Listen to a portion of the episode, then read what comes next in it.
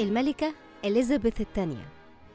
هي الملكة الدستورية ل 16 دولة أهمها المملكة المتحدة وكندا وأستراليا ونيوزيلندا وهي رأس الكنيسة الإنجليزية وأطول ملوك بريطانيا عمرا وأكثر ملكة قعدت على عرش إنجلترا.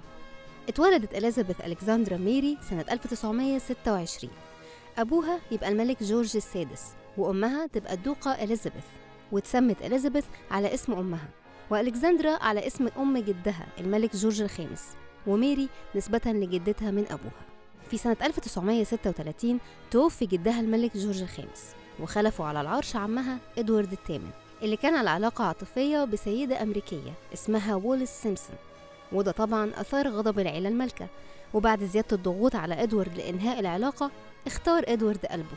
وتنازل عن العرش لأخوه الملك جورج السادس اللي بدوره عين بنته إليزابيث كولية للعهد.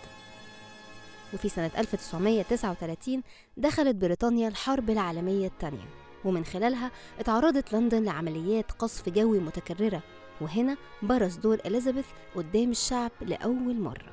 بعد دخول بريطانيا الحرب بسنة واحدة قدمت إليزابيث أول بث إذاعي على البي بي سي.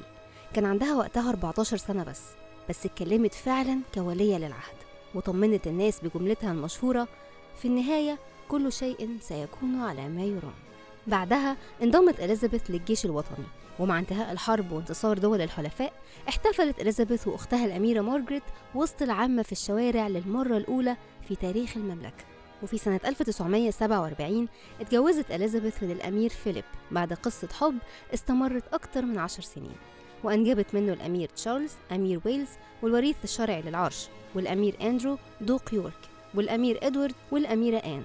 جدير بالذكر إن الأمير فيليب توفي في 17 إبريل 2021 نرجع تاني سنة 1952 لما تولت الملكة إليزابيث الثانية عرش إنجلترا بشكل غير رسمي بعد وفاة أبوها الملك جورج السادس. وبعدها بسنة واحدة اتعمل حفل التنصيب الرسمي على العرش وكان عمرها 25 سنة. وفي سنة 1969 وبعد توليها العرش بأكثر من 15 سنة قررت الملكة إليزابيث تنصيب ابنها الأمير تشارلز بشكل رسمي كولي العهد المملكة البريطانية.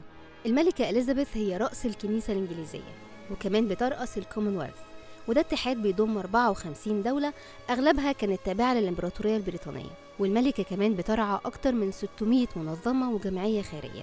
في عهدها انضمت بريطانيا للاتحاد الأوروبي وفي عهدها كمان خرجت بريطانيا من الاتحاد الأوروبي بعد استفتاء بريكسيت.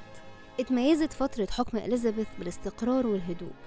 قدرت تحافظ على المملكة من التقسيم وفرضت نفوذها على الدول التابعة للتاج البريطاني. وما تعرضتش المملكة للاهتزاز حتى في مرحلة إنهاء الاستعمار. اللي امتدت للخمسينات والستينات والسبعينات من القرن العشرين بالإضافة لأنها حافظت على العادات والتقاليد الملكية الإنجليزية. لكن رغم كل ده إلا أن فترة حكم الملكة إليزابيث مرت كمان بمنحنيات وأوقات صعبة. مثلا سنة 1956 وبعد تأميم قناة السويس قامت بريطانيا وفرنسا بمحاولة فاشلة لاحتلال القناة المصرية.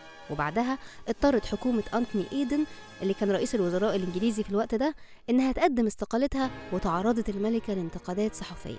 وفي سنة 1979 تم اغتيال عم زوجها على إيد قوات الجيش الجمهوري الأيرلندي. وفي سنة 1981 اتعرضت الملكة نفسها لمحاولة اغتيال فاشلة من أحد المشاركين في موكبها العسكري. وبعدها اقتحم شخص مسلح غرفة نوم الملكة في قصر باكنغهام وفي الليلة دي تحديدا ما كانش جوزها الأمير فيليب موجود. وطبعا طلعت إشاعات عن تورطه في محاولة اغتيال الملكة. أهم الحروب اللي خاضتها بريطانيا في عهدها هي حرب الفوكلاند ضد الأرجنتين سنة 1982 والمشاركة في غزو العراق سنة 2003 الأسرة الحاكمة طبعا ما سلمتش من الصحافة اللي كانت بطبيعة الحال بتركز على أخبارهم.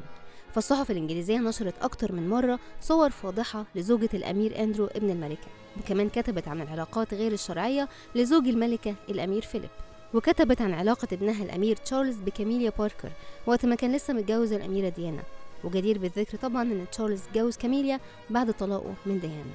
وعلى سيرة الأميرة ديانا من المعروف إن الاتهامات وجهت للملكة بالتورط في تدبير حادث وفاة الأميرة. وطبعا كلنا تابعنا الضجة الكبيرة اللي عملها لقاء الأمير هاري وزوجته ميغان بالإعلامية أوبرا وينفري. وطبعا الأمير هاري هو الابن الأصغر للأمير تشارلز ولي عهد بريطانيا وأخوه الأكبر هو الأمير ويليام. وعلى ذكر الأحداث غير السعيدة لازم نقول إن سنة 1992 كانت أسوأ سنة مرت على الملكة إليزابيث. حصلت لها فيها أحداث سيئة جدا زي طلاق ابنها الأمير أندرو وطلاق بنتها الأميرة آن وانفصال ولي العهد الأمير تشارلز عن الأميرة ديانا. ده غير حريق قصر وينسور وحتى إليزابيث نفسها اتحدفت بالبيض من الجمهور لما كانت بتزور ألمانيا. أما عن الملكة نفسها فأهم هواياتها هي ركوب الخيل ومعروف عنها حبها الشديد للكلاب. سافرت 130 دولة وبتقدر تسافر من غير جواز سفر وبتسوق من غير رخصة قيادة. ووفقا للقانون البريطاني فالملكة إليزابيث بتمتلك كل البجع والدلافين الموجودين في المياه البريطانية وكمان من حقها ما تدفعش ضرائب. يا بختك خلال فترة حكم الملكة إليزابيث تولى الحكومة 14 رئيس وزراء أولهم تشرشل وآخرهم بوليس جونسون رئيس الوزراء البريطاني الحالي. دي كانت نهاية حلقة النهاردة عن الملكة إليزابيث. مستنية آرائكم وتعليقاتكم واقتراحاتكم كان معاكم مروة جودة. بودكاست أهو ده اللي صار.